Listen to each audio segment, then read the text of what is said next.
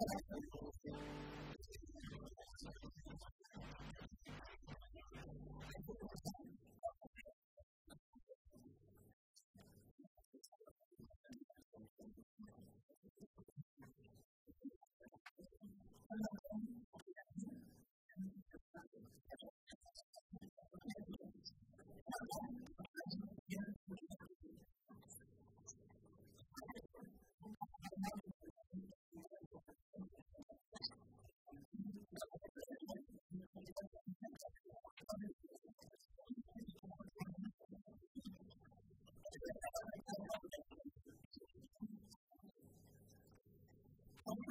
Thank.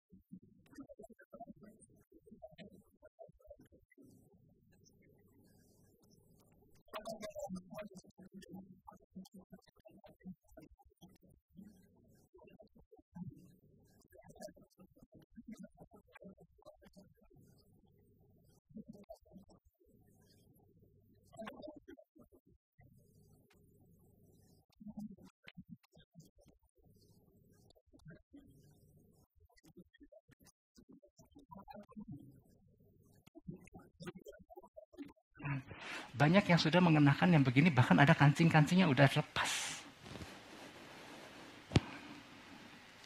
Menunjukkan apa? Ketidaksiapan atau mungkin sudah melupakan apa yang harus seharusnya dilakukan. Pesan ini mungkin merupakan sebuah teguran buat setiap kita, Bapak Ibu Saudara. Tapi biarlah ini itu berlaku buat setiap kita. Nggak tahu udah rapi belum nih? Udah ya, udah rapi ya. Oke. Nah, kalau Bapak Ibu Saudara ngelihat saya dalam keadaan begini, artinya wow, serius mau nyampaikan sesuatu. Tapi apa jadinya kalau ternyata ya ampun kancingnya aja udah nggak ada dan nggak peduli. Orang kancing lepas bisa ada berbagai kemungkinan.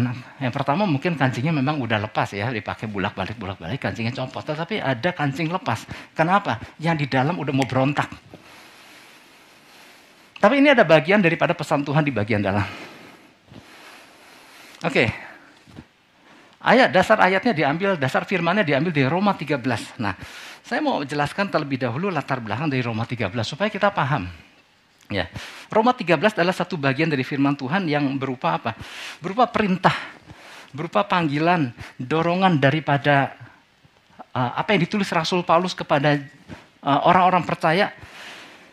Dimulai, ini kan ayat 13 ya sebenarnya Rasul Paulus lagi mengingatkan sebetulnya tugas yang harus dilakukan oleh orang percaya. Mengingat si orang percaya sudah dijelaskan dari pasal 1 sampai pasal 11. Jadi gini, kalau kita baca ayat di Alkitab, kadang-kadang kita nggak ngerti ayat ini arahnya ke mana. Saudara harus memahami tujuan daripada surat itu, tujuan daripada kitab itu terlebih dahulu. Rasul Paulus misalnya dalam hal Rasul Paulus, Rasul Paulus lagi nulis kepada siapa sih? Latar belakangnya apa sih? Tujuannya apa sih? Kalau kita paham tujuannya, strukturnya, ya. Sehingga waktu kita baca kita ngerti semua urutannya. Nah ini kan udah pasal 13. Rasul Paulus lagi mengingatkan gini, dari pasal 1 sampai pasal 11 ini berbicara tentang anugerah keselamatan yang Tuhan berikan secara cuma-cuma bagi setiap orang. Saya Bapak Ibu dan Saudara, sehingga kita menjadi orang-orang yang percaya di dalam Kristus.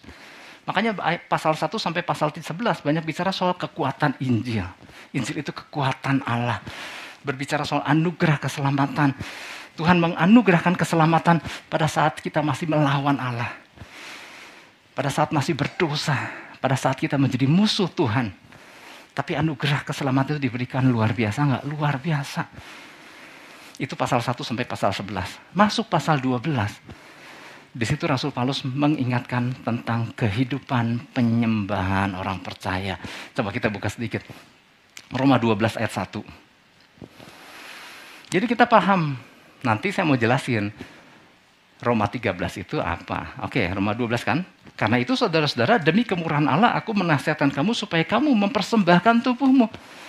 Sebagai orang-orang yang dipilih Tuhan, diselamatkan oleh kasih karunia Nah, mulai kita punya kehidupan penyembahan. Aku menasihatkan kamu supaya kamu mempersembahkan tubuhmu sebagai persembahan yang hidup, yang kudus, dan yang berkenan kepada Allah. Itu adalah ibadahmu yang sejati. Ada kehidupan worship. Ada kehidupan penyembahan kepada Tuhan. Yang dulunya bukan penyembah Tuhan, menjadi penyembah Tuhan. Dan selanjutnya masuk pasal 13 ya tanpa berlama-lama. Nah, pasal 13 ini secara khusus Rasul Paulus lagi bicara mengenai apa? Waktu orang percaya itu dipilih dan diselamatkan pasal 1 sampai 11 kemudian punya kehidupan penyembahan masuk pasal 13, Tuhan ingin orang percaya ini hidup punya impact, punya dampak dan relasi orang Kristen kepada sesama. Nah, sudah mulai paham ya. Jadi di pasal 13 ini tentang apa yang harus dilakukan oleh Kristen dalam kehidupan sehari-harinya. Ada impact apa? Ada dampak apa? Terhadap sesama atau terhadap komunitasnya. Ya. Nah, sebagai orang-orang yang telah mengalami kasih Kristus, orang percaya dituntut untuk apa? Memperkenalkan kasih Kristus. Jadi kita udah nerima nih. Di dalam kehidupan kita hari ini setelah kita diselamatkan. Nah, apakah kita memperkenalkan kasih Kristus itu? Di dalam kehidupan sehari-hari kita. Melalui apa? Melalui aktivitas kita, melalui tindakan kita, ya. Namun sayangnya dalam surat ini Rasul Paulus melihat betapa para pemercaya perlu didorong dan dibangunkan kembali dari tidurnya. Jadi nggak sedikit orang percaya yang terlena dengan segala dengan anugerah keselamatannya. Nggak sedikit orang-orang percaya yang udah lupa apa yang harus dilakukan lagi ketika udah nerima keselamatan ya. Jadi kita harus ingat Bapak Ibu Saudara kita dipilih sama Tuhan bukan untuk sekedar kini kita udah jadi orang percaya dan udah gitu enggak. Ternyata Tuhan punya rencana luar biasa buat tiap kita yang sudah diselamatkan. Yang ngerti katakan amin. Kita beri tepuk tangan dulu buat Tuhan Yesus. Haleluya. Nah ini yang jadi pesan Tuhan buat kita Nah, Tuhan ingin setiap orang percaya di tengah waktu yang tersisa, kita kan ada di akhir zaman ini kan. Tuhan mau kita menyadari bahwa ada panggilan yang luar biasa yang Tuhan percayakan di setiap bidang kehidupan kita masing-masing. Setiap kita ditempatkan Tuhan di berbagai profesi yang berbeda mungkin. Nah di bagian wilayah-wilayah itu Tuhan mau kita ada panggilan yang luar biasa di bidang setiap kita untuk menjadi berkat, untuk menjadi, untuk memperkenalkan Kristus, ya. Kalau kita lihat ke sekeliling Bapak Ibu Saudara, ada begitu banyak perubahan-perubahan telah terjadi. Saudara pernah nggak pergi ke sebuah tempat yang Bapak Ibu Saudara udah lama nggak pernah datangi tempat itu? Sekian tahun kemudian, Anda datangi tempat itu, kemudian Anda melihat, wow, udah berubah ya tempatnya. Nah, berbicara soal perubahan, ada dua macam perubahan kan? Antara menjadi semakin lebih baik Wah, jadi bagus ya tempatnya sekarang dibandingkan dulu. Dulu aku pernah ke sini. Nah, udah lama gak ke sini ternyata jadi bagus. Kemungkinan pertama menjadi lebih bagus. Kemungkinan kedua, loh kok jadi gini ya sekarangnya nggak kerawat tempatnya, udah kotor, nggak keurus dan lain-lain. Saya pernah punya satu teman Bapak Ibu Saudara, ya dia udah lama meninggalkan Indonesia, artinya tinggal di luar negeri. Satu kali sekian belas tahun atau sekian puluh tahun kemudian, dia datang ke Bandung. Dan dia melihat, wah Bandung beda ya sekarang.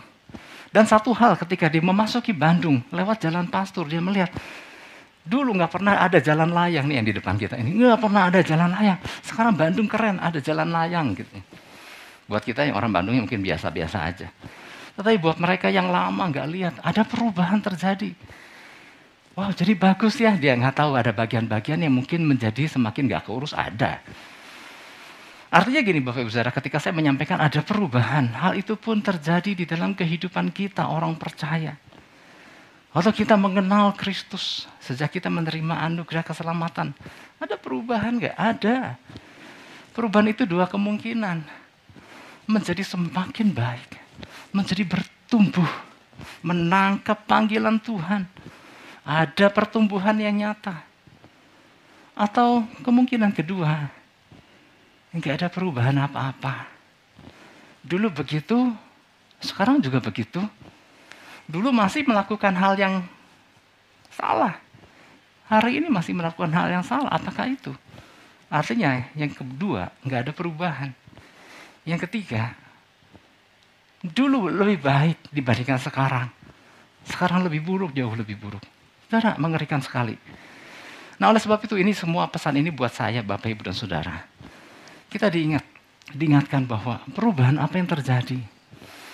Kalau Bapak Ibu Saudara mengikuti pesan Tuhan sekitar dua minggu yang lalu, bahwa waktu kita diselamatkan, seharusnya telah terjadi minimal tiga transformasi. Ada yang masih ingat? Waktu pesan Tuhan dua minggu yang lalu ya, pesan Tuhannya adalah merasa nyaman di tengah ketidakamanan. Ada tiga transformasi ya saya sampaikan ini kembali buat mungkin ada bapak ibu saudara yang belum uh, menyimak pesan Tuhan dua minggu yang lalu itu. Nah sekarang sekalian juga saya mau refresh buat bapak ibu saudara yang pernah dengar. Transformasi yang pertama apa? Transformasi posisi, position transformation. Transformasi ini adalah transformasi yang pertama kali kita alami waktu kita mengenal Kristus Waktu kita oleh kasih anugerah yang diselamatkan Tuhan. Yang pertama, transformasi pertama yang kita alami adalah posisi. Dari bukan anak Tuhan, jadi anak Tuhan. Dari orang berdosa, menjadi orang benar. Yang tadinya musuh Tuhan, sekarang jadi anak Tuhan. Yang sudah ngalami ini, lambaikan tangan. Wow, luar biasa. Kita beri tepuk tangan lagi buat Tuhan Yesus pengertian tentang transformasi ini kita perlu tangkap. Artinya gini, transformasi bukan cuma itu aja gitu. Ada yang kedua, yang adalah behavior transformation. Transformasi perilaku. Rasul Paulus sendiri bilang, dulu dia seorang yang ganas. Tapi setelah dia di dalam Kristus, dia menjadi seorang yang lembut. Dalam artian di tengah ketegasannya, dia berkata bahwa dia adalah bapak buat anak-anaknya, bahkan dia ibu yang menyusui buat anak-anaknya. Ada perubahan yang terjadi dalam kehidupan Rasul Paulus. Dulu yang dia sangat bangga dengan status sosialnya, status keagamaannya, dan segala macam status-status yang dia banggakan. Kemudian dia tinggalkan itu dan kemudian berlari ke arah Kristus menuju panggilan sorgawi. Ada perubahan yang terjadi, ada perubahan. Itu yang dikatakan behavior transformation. Kemudian ada transformasi yang ketiga. Community transformation. Transformasi komunitas. Di mana pun kita ditempatkan, kita menjadi agen perubahan yang mentransformasi komunitas di mana kita berada. Dimulai dari komunitas terkecil, yaitu apa? Keluarga. Apakah di dalam keluarga kita telah terjadi transformasi, eh, telah terjadi revival, atau telah terjadi kebangunan rohani di rumah-rumah tangga kita? Mestinya terjadi karena ada kita Katakan amin. Nah, kalau kita menyadari bahwa ada transformasi-transformasi yang harus kita alami. Seperti itulah minimal tiga hal Bapak Ibu. Jadi kita ngerti, wow, aku udah ngalami transformasi posisi. Nah, tapi ada lagi ya, ketika kita bertumbuh, maka ada transformasi yang kedua. Ketika kita bertumbuh, ada transformasi yang ketiga. Oleh sebab itu Bapak Ibu Saudara, minimal lewat pesan Tuhan, Minimal ada tiga kunci yang perlu kita setiap orang percaya hidupi. Ya ini artinya gini, kunci ini buat saya Bapak Ibu dan Saudara. Apa yang harus kita tangkap? Supaya kita bisa mengenakan dan bergerak seperti yang Tuhan inginkan. Ada tiga kunci, tiga kunci ini simpel Bapak Ibu Saudara. Ya, saya saya uh, ringkas di dalam uh, tiga kunci dalam bahasa Inggris. Ya nanti saya jelaskan. Ya, wake up, shape up, dan dress up. Oke, yang pertama, wake up. Yang pertama poinnya adalah gini, bangun dari tidur. Wake up. Ayatnya di dalam Roma 13 ayat 11. Oke, saya baca seperti ini. Hal ini harus kamu lakukan karena kamu mengetahui keadaan waktu sekarang, yaitu bahwa saatnya telah tiba bagi kamu untuk bangun dari tidur. Sebab sekarang keselamatan sudah lebih dekat bagi kita daripada waktu kita menjadi percaya. Di sini ada kata kalimat begini, yaitu bahwa saatnya telah tiba bagi kamu untuk bangun dari tidur. Bapak Ibu Saudara, saya nggak tahu setiap kita yang hadir pada pagi hari ini mungkin memiliki cara yang berbeda pada waktu bangun tadi pagi. Yang adalah mungkin kebiasaan dari masing-masing kita berbeda satu dengan yang lain. Siapa yang kalau bangun pagi harus setel jam beker? Wow, luar biasa ya. Nah, cuma satu orang. Jadi saudara kalau saya tanya jam beker ngerti dong. Ya. Kalau saudara yang seumuran sama saya, minimal anak-anak muda generasi milenial tahulah yang namanya jam beker. Kalau generasi milenial tuh generasi disebutnya uh, Gen Y, generasi Y yang lahir tahun 1980 sampai 1995. Nah, istilah jam beker itu tahu, ya kan? Apa sih jam, jam beker atau jam waker? Ya, itu istilah Belanda. Waker adalah pembangun. Beda kalau generasi yang lebih muda ya, setelah Gen Y, Gen, Gen Z ya, generasi Z yang lahir tahun 1996 sampai 2000-an. Nah tentunya setiap kita punya cara bangun yang berbeda satu dengan yang lain. Ada yang harus dibangunkan sama alarm, jam beker, atau set di uh, handphone kita alarm, jam berapa kita bangun. Ada yang bangun dengan cara seperti itu. Tapi kadang-kadang ada anak-anak muda yang aku nggak, aku mau nggak perlu dibangunin sama alarm. Alarm mamaku lebih efektif pak katanya. Kalau mamaku yang bangun, aduh aku rasanya pengen cepat bangun deh. Nggak tahan sama suaranya. Ya. Jadi ada orang yang bangun harus pakai alarm, pakai wecker. Kemudian ada orang yang sudah otomatis bangun. Rasanya yang ada di ruangan ini semuanya otomatis bangun ya. Soalnya ditanya siapa yang pakai jam beker, nggak, nggak ada yang angkat tangan kecuali ada satu orang. Artinya luar biasa. Anda, Bapak Ibu Saudara, punya kebiasaan tidur yang begitu teratur. Ada yang tidur jam 9 udah tidur, jam 10 udah tidur, nanti jam 5 otomatis sudah bangun sendiri tanpa pakai alarm. Atau yang ketiga, yang ketiga adalah ada yang sudah dibangunkan namun gagal bangun. Ada nggak yang begitu? Ada yang lanjut tidurnya kebablasan.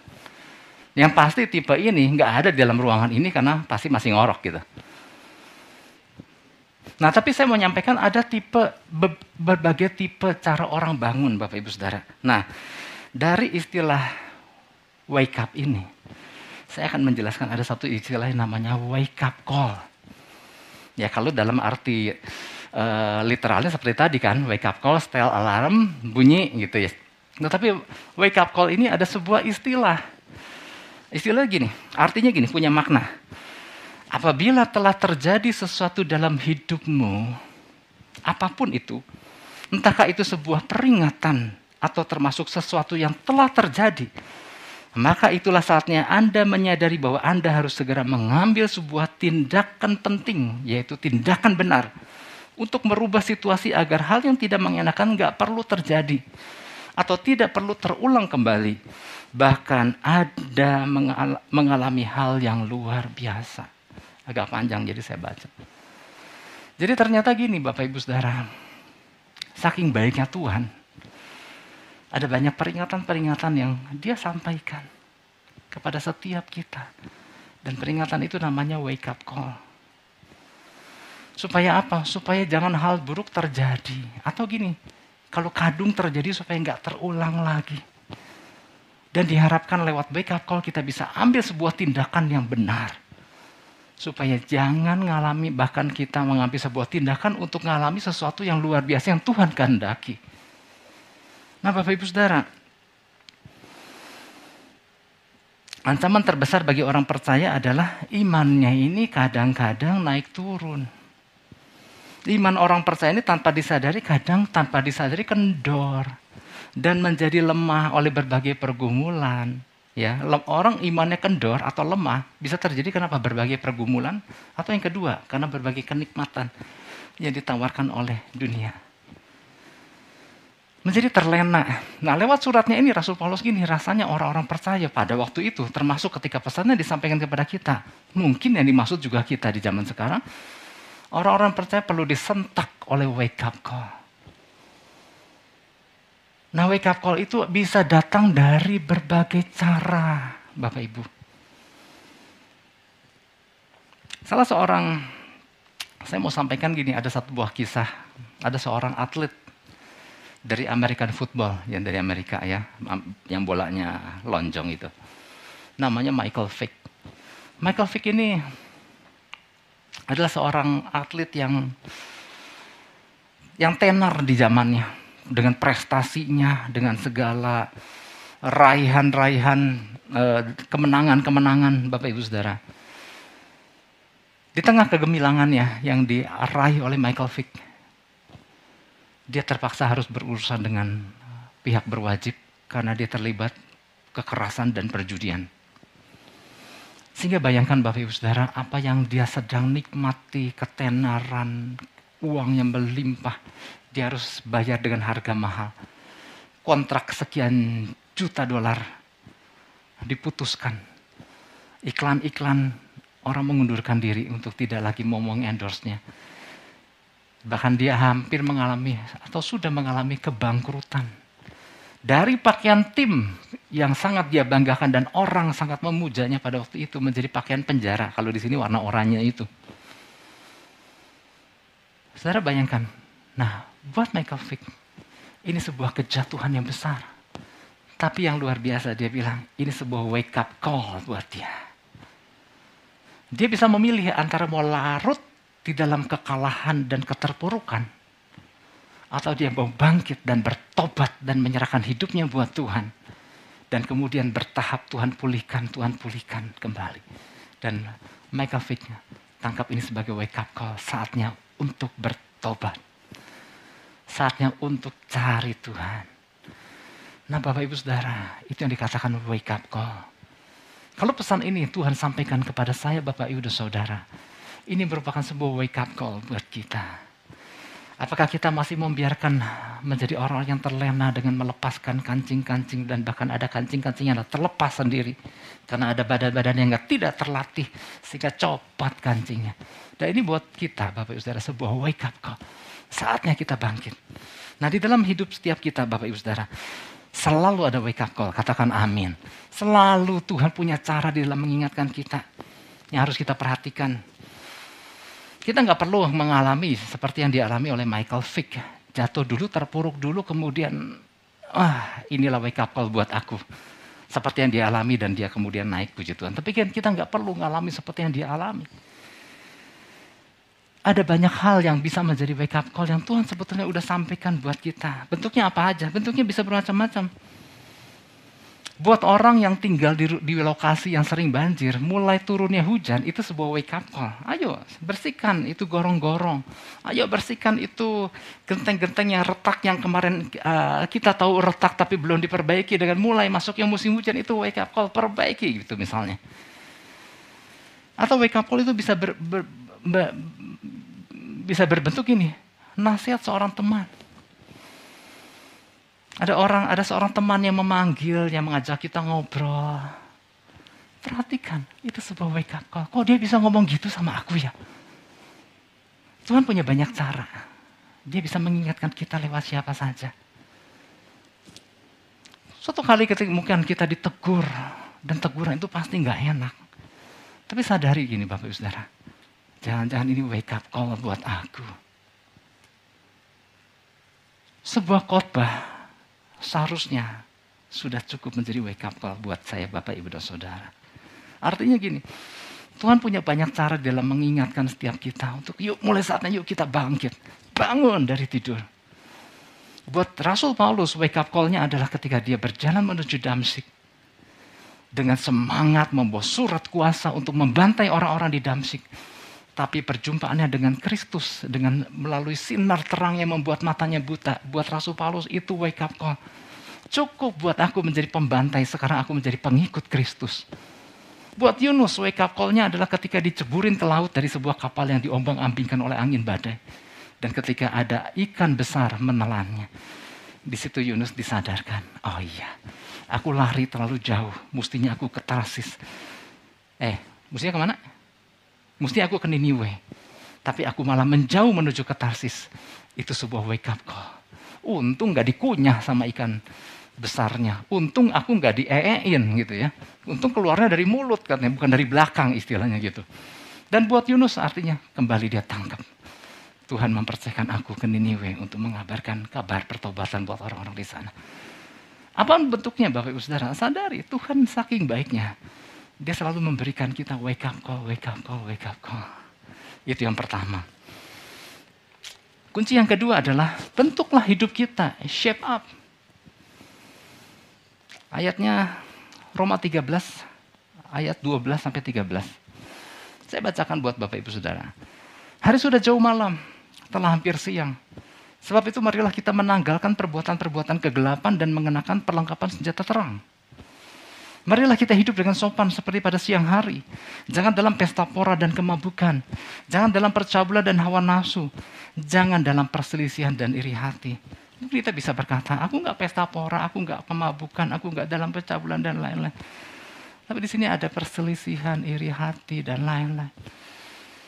Tapi memang ini kalau dijelaskan satu persatu memang artinya bisa luas sekali. Tetapi maksudnya gini, yuk inilah saatnya. Ada yang sesuatu yang harus ditanggalkan.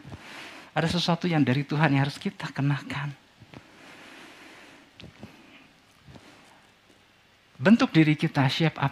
Bapak Ibu Saudara setiap kita, ya saya percaya. Sebelum berangkat ke tempat ini, ada nggak yang nggak ngaca? Di cermin.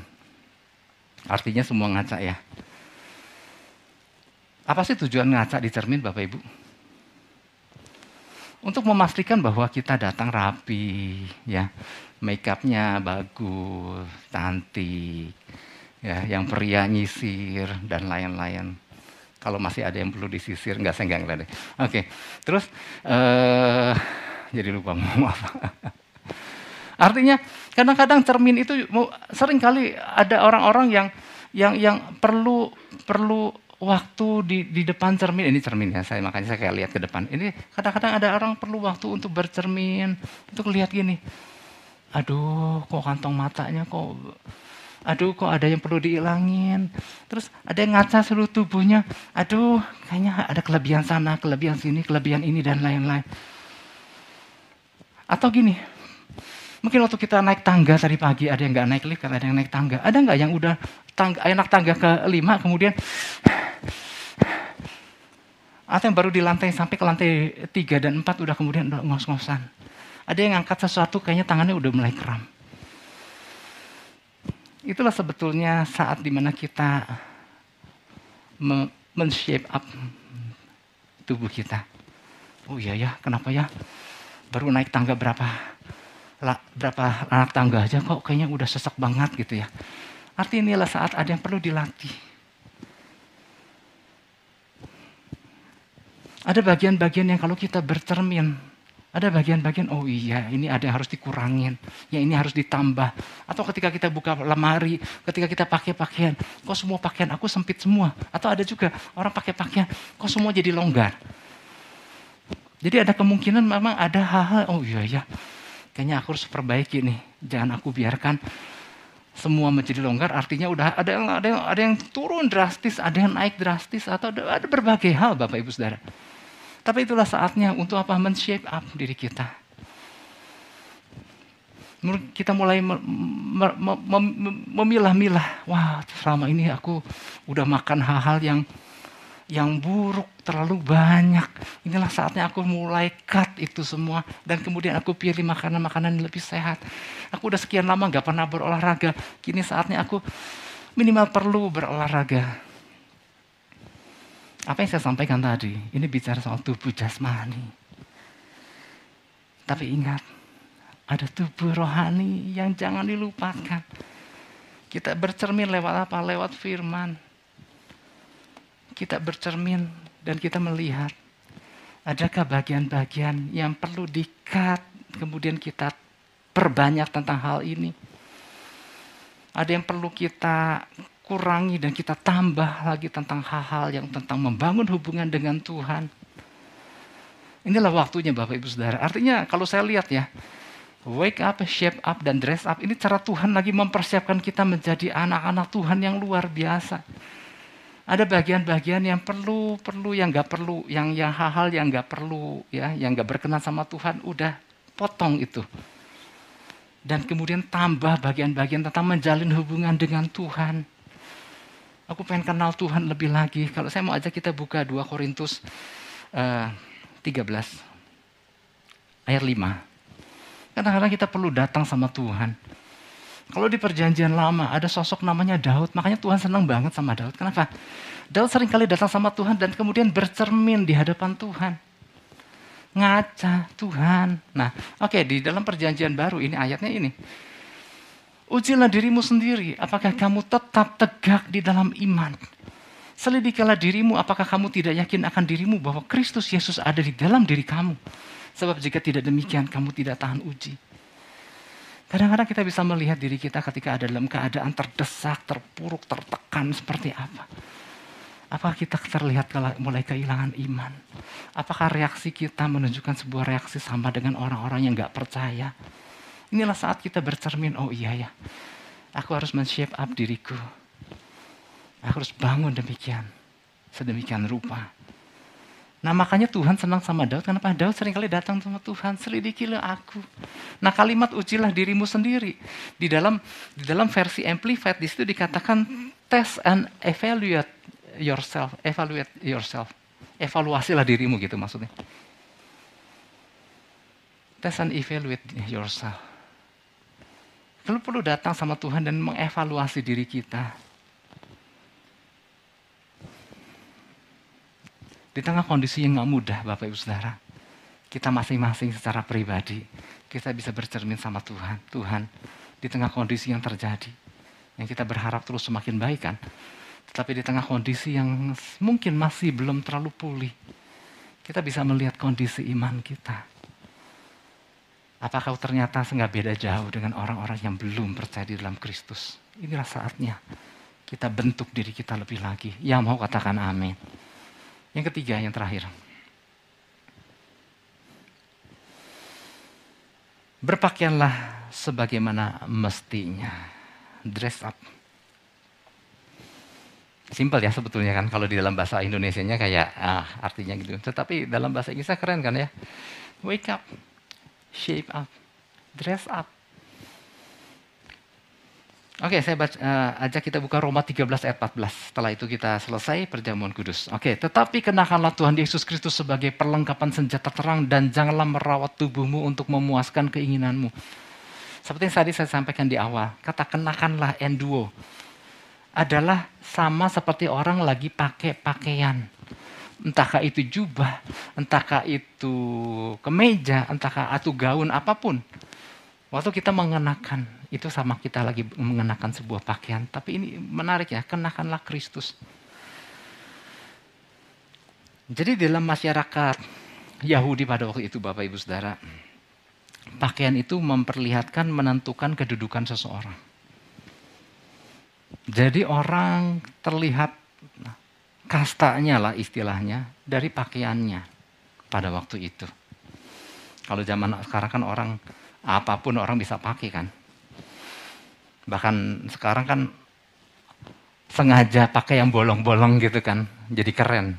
Tapi di zaman di masyarakat Yahudi, status seseorang atau kasta seseorang terlihat dari pakaiannya. Ada pakaian budak, ya kadang budak juga nggak berpakaian, tapi ada pakaian budak, ada pakaian orang merdeka.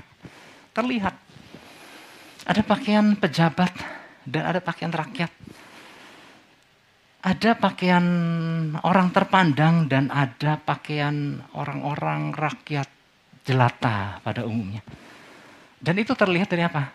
Nggak usah ngobrol, tanya jawab dan lain-lain. Dari pakaiannya terlihat statusnya. Nah tetapi di situ Rasul Paulus mengatakan bahwa apa pun statusnya, selama dia orang percaya, dia harus mengenakan sebuah pakaian yang namanya pakaian Kristus, kenakanlah Kristus. Artinya ini pasti arti kiasan kan. Wah Pak gimana caranya pakai pakaian Kristus gitu ya. Apa pun jenis pakaian yang dipakai oleh orang-orang pada waktu itu, apa pun statusnya. Rasul Paulus bilang, Kristus harus terlihat di dalam kehidupanmu. Wah.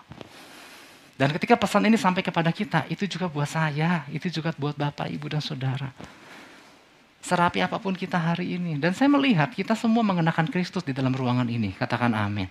Kenapa? Terlihat kan? Waktu menyembah sama-sama nyembah. Waktu memuji Tuhan sama-sama memuji Tuhan. Waktu khotbah, Bapak Ibu Saudara duduk diam mendengarkan khotbah. Di dalam ruangan itu, ya di dalam ruangan ini kita tampak mengenakan pakaian yang sama yaitu pakaian Kristus. Setelah beres ibadah, kita keluar, kita beraktivitas, kita berbau dengan orang-orang di luar sana atau dalam kehidupan sehari-hari. Pertanyaannya, apakah Kristus masih tampak? Bukan artinya keluar kita jadi nyembah-nyembah angkat tangan gitu, bukan artinya gitu. Tetapi apakah orang melihat apakah ada Kristus dalam kehidupan saya, Bapak Ibu dan Saudara?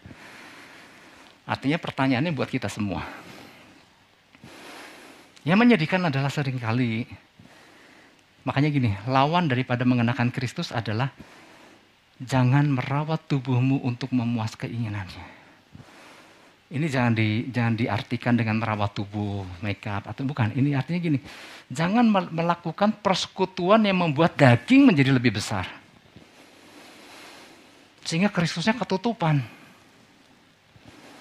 Waktu kita beraktivitas di luar sana, entahkah kita dagang, entahkah kita melakukan uh, sebagai seorang siswa, seorang murid, seorang mahasiswa atau apa pun profesi yang Tuhan percayakan, pertanyaan adalah apakah Kristus nampak?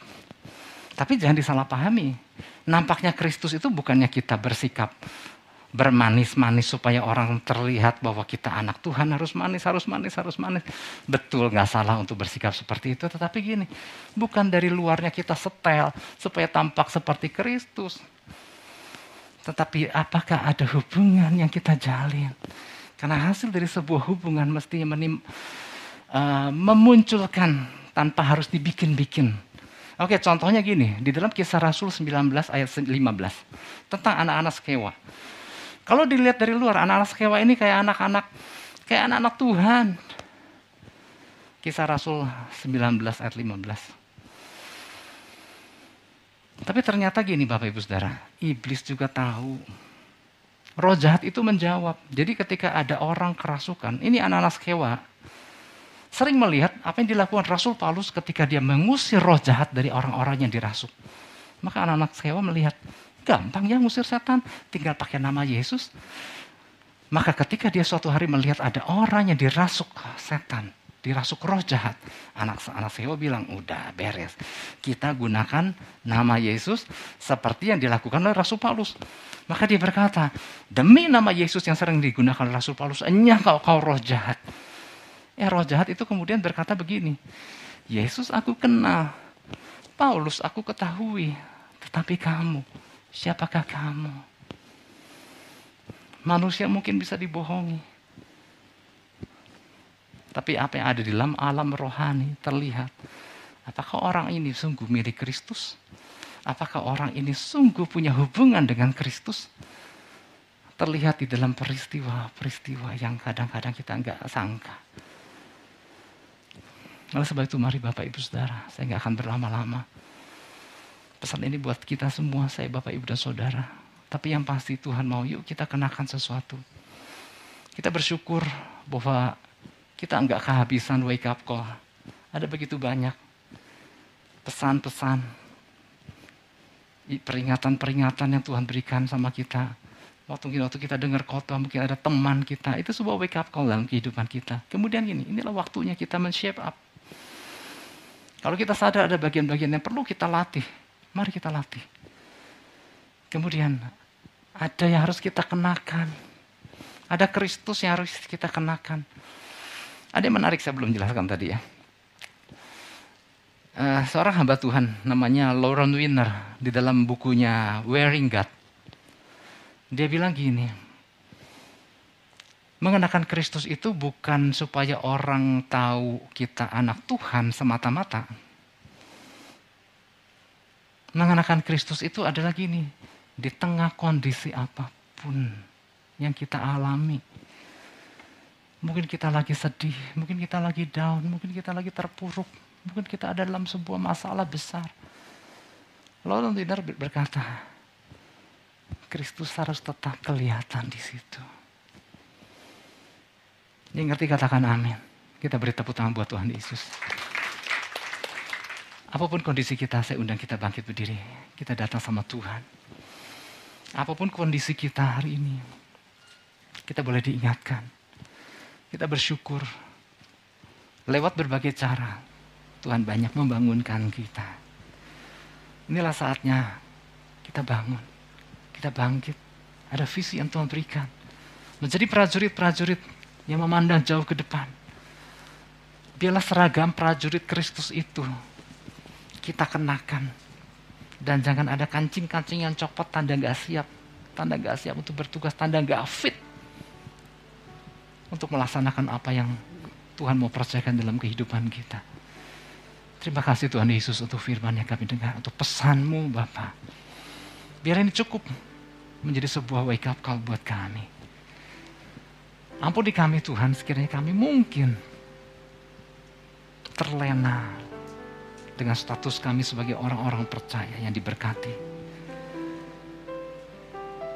Tapi biarlah hari ini Tuhan, kami kembali menangkap pesanmu. Bahwa ternyata anugerah keselamatan yang kau berikan ada sebuah tujuan. Tuhan mau pakai kami secara luar biasa.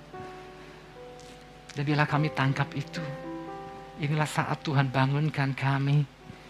Kami membentuk diri kami, mempersiapkan, melatih diri kami, dan kami mengenakan tugas yang Tuhan mau percayakan. Terima kasih Tuhan.